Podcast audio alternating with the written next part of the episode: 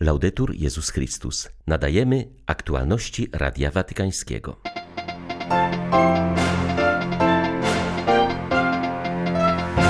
Papież apeluje do światowych instytucji finansowych o wypracowanie nowego modelu gospodarczego.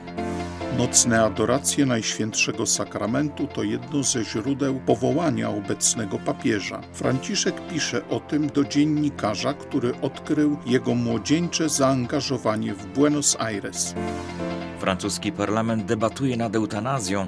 Pandemia pokazała, że chory potrzebuje bliskości i ulgi w cierpieniu, a nie śmierci, przypomina arcybiskup Paryża. 8 kwietnia witają Państwa ksiądz Krzysztof Ołdakowski i Krzysztof Bronk. Zapraszamy na serwis informacyjny.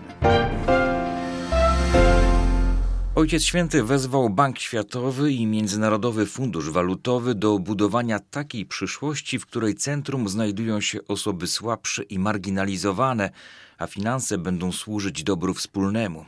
W specjalnym przesłaniu na wiosenną sesję tych dwóch instytucji finansowych Franciszek zaapelował o zmniejszenie zadłużenia najuboższych krajów oraz rozliczenie się przez kraje rozwinięte z tak zwanego długu ekologicznego. Papież podkreślił też, że świat po pandemii nie może powrócić do niesprawiedliwego modelu gospodarki. Ojciec Święty przypomina, że w minionym roku z powodu pandemii świat został zmuszony do stawienia czoła serii poważnych i wzajemnie powiązanych kryzysów. Zachęcił światowe instytucje finansowe do wypracowania takiego modelu naprawy, który będzie bardziej solidarny, integrujący i zrównoważony. Podkreślił, że popularne obecnie pojęcie ożywienia gospodarczego nie może ponownie sprowadzać się do nierównego modelu życia społeczno-gospodarczego w którym garstka populacji posiada połowę światowych bogactw. Zaangażowanie w solidarność gospodarczą, finansową i społeczną oznacza więcej niż sporadyczne akty szczodrości, pisze papież, przypominając za encykliką Fratelli Tutti, że oznacza to działanie w kategoriach wspólnoty, a także walkę ze strukturalnymi przyczynami ubóstwa i nierównością. Franciszek zauważył, że w obecnym czasie globalnego kryzysu opieki zdrowotnej szczególnie potrzebujemy sprawiedliwie finansowanej solidarności szczepionkowej, ponieważ nie możemy pozwolić, by prawo rynku wzięło górę nad prawem do zdrowia wszystkich ludzi. Papież Franciszek wysłał odręczny list do dziennikarza Lukasa Scherera z katolickiego tygodnika Alfa i Omega po otrzymaniu od niego zdjęcia kartki ze spisu pochodzącego z lat 50. ubiegłego stulecia ze swoim nazwiskiem i numerem. Pokazuje ono, że Jorge Mario Bergoglio był zarejestrowany jako nocny czciciel Jezusa Eucharystycznego w Bazylice Najświętszego Sakramentu w Buenos Aires. Po 65 latach Franciszek ze wzruszeniem przypomina sobie zdanie wezwania Venite Adoremus, które wypowiedział do niego jeden z członków dawnego Bractwa Nocnych Czcicieli. Młody Jorge Mario udawał się ze swojego domu w dzielnicy Flores na obrzeżach Buenos Aires autobusem do centrum miasta, aby dotrzeć do bazyliki pod wezwaniem Najświętszego Sakramentu. Towarzyszył mu zwykle jego brat Oskar oraz sąsiad z okolicy Gonzalo Bargela. W Bazylice Najświętszego Sakramentu w latach 1954-55 młodzi bracia Bergoglio wraz ze swoim przyjacielem spędzali sobotnie noce na modlitwie, konkretnie w kaplicy, która znajdowała się po prawej stronie konfesjonałów. Adoracja rozpoczynała się około godziny dziewiątej w nocy po kazaniu ojca Aristi, wyjaśnia ojciec święty w swoim liście. Głównym promotorem bractwa, do którego młody Jorge Mario wstąpił w wieku 18 lat, był właśnie hiszpański ksiądz José Ramon Aristi. W tym czasie Bergoglio doświadczył już Bożego Wyzwania lub, jak sam to określa, doświadczenia świętego Józefa z Flores w kościele, w którym się wychował. Ale to właśnie ojciec Aristi jako spowiednik i wzór miłosierdzia naznaczył wyjątkowo życie przyszłego papieża. Od 25 lat posługuje się jego różańcem, który jako biskup pomocniczy zdjął z jego rąk, gdy przed pogrzebem czuwał wraz z innymi przy jego ciele. Wtedy popatrzył na zmarłego kapłana i prosił go: Daj mi połowę swojego miłosierdzia. Pomimo pandemii papież Franciszek będzie obchodził w tym roku Niedzielę Miłosierdzia Bożego. Jak podało biuro prasowe Stolicy Apostolskiej, papież, podobnie jak przed rokiem, uda się tego dnia do kościoła świętego ducha in Sassia, które jest rzymskim ośrodkiem kultu Miłosierdzia Bożego. O godzinie 10.30 Franciszek odprawi tam Eucharystię, a następnie odmówi modlitwę Regina Celi. Ze względu na pandemię liturgia będzie miała charakter prywatny, będzie jednak transmitowana przez watykańskie media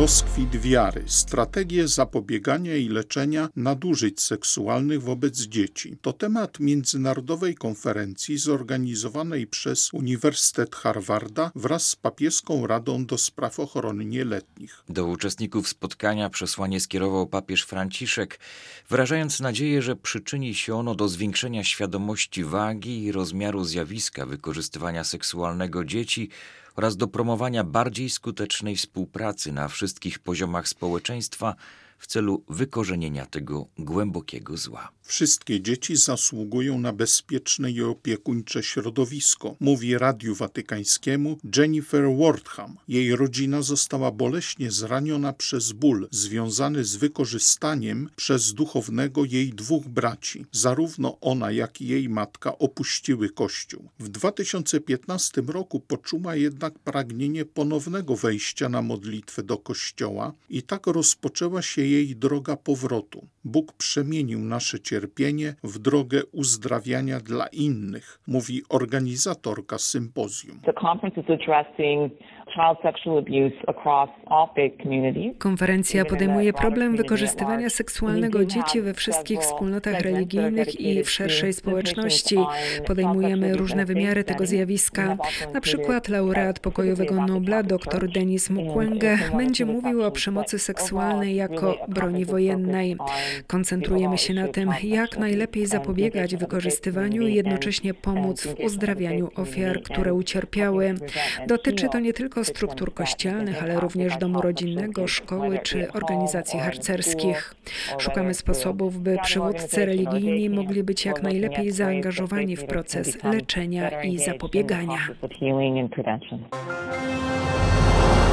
Szef watykańskiej dyplomacji arcybiskup Paul Gallagher skierował przesłanie w ramach kampanii medialnej przeciwko antysemityzmowi, która zbiega się z 55. rocznicą uchwalenia deklaracji Soboru Watykańskiego II Nostra Aetate.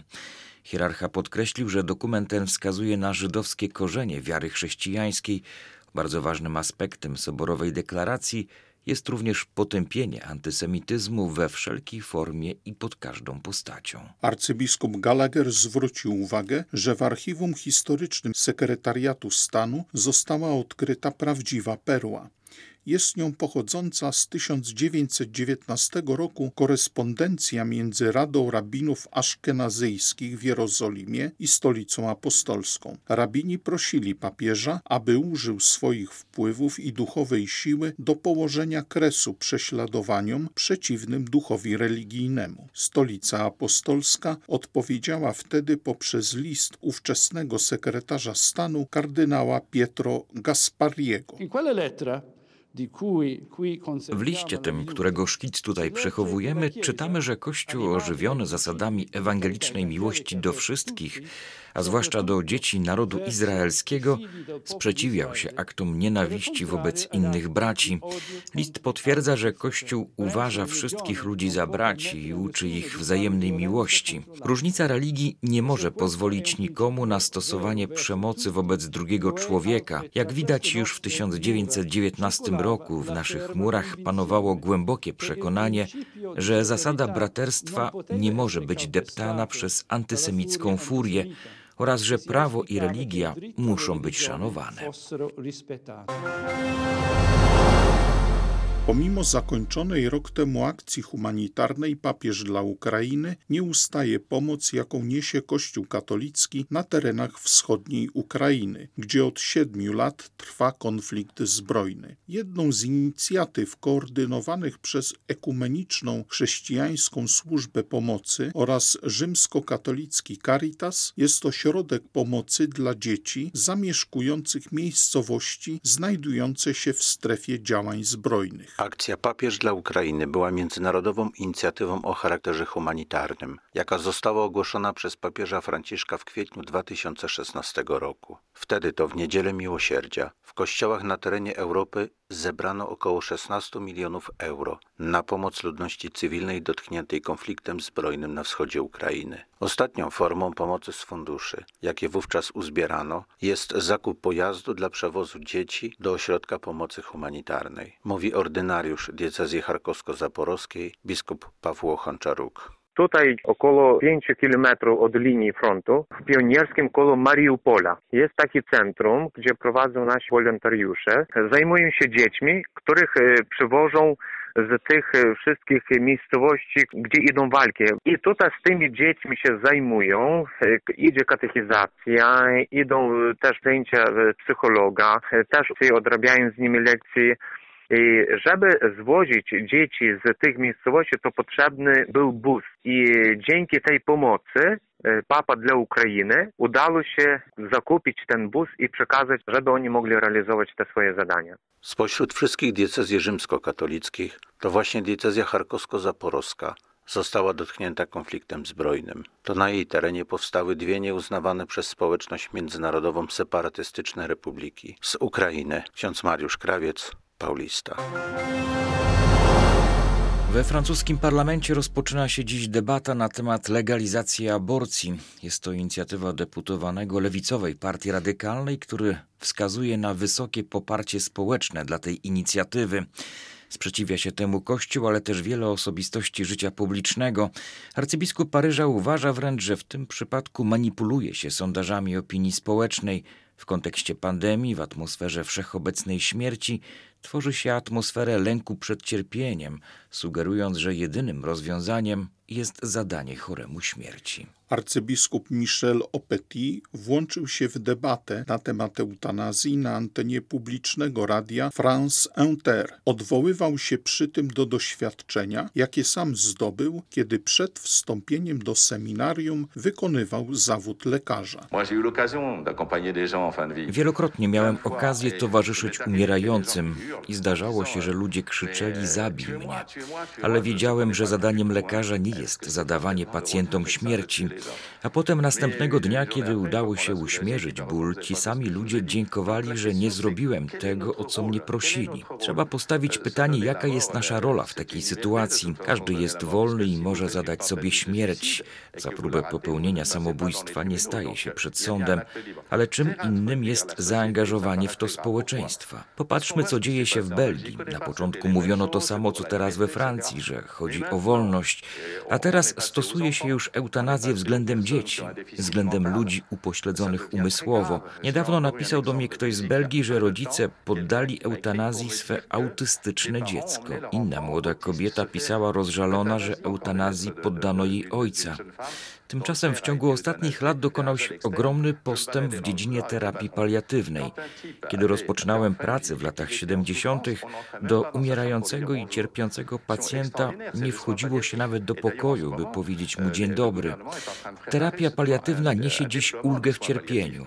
Rozwiązaniem dla człowieka cierpiącego nie jest zadanie mu śmierci, lecz ulżenie jego cierpieniu, towarzyszenie mu.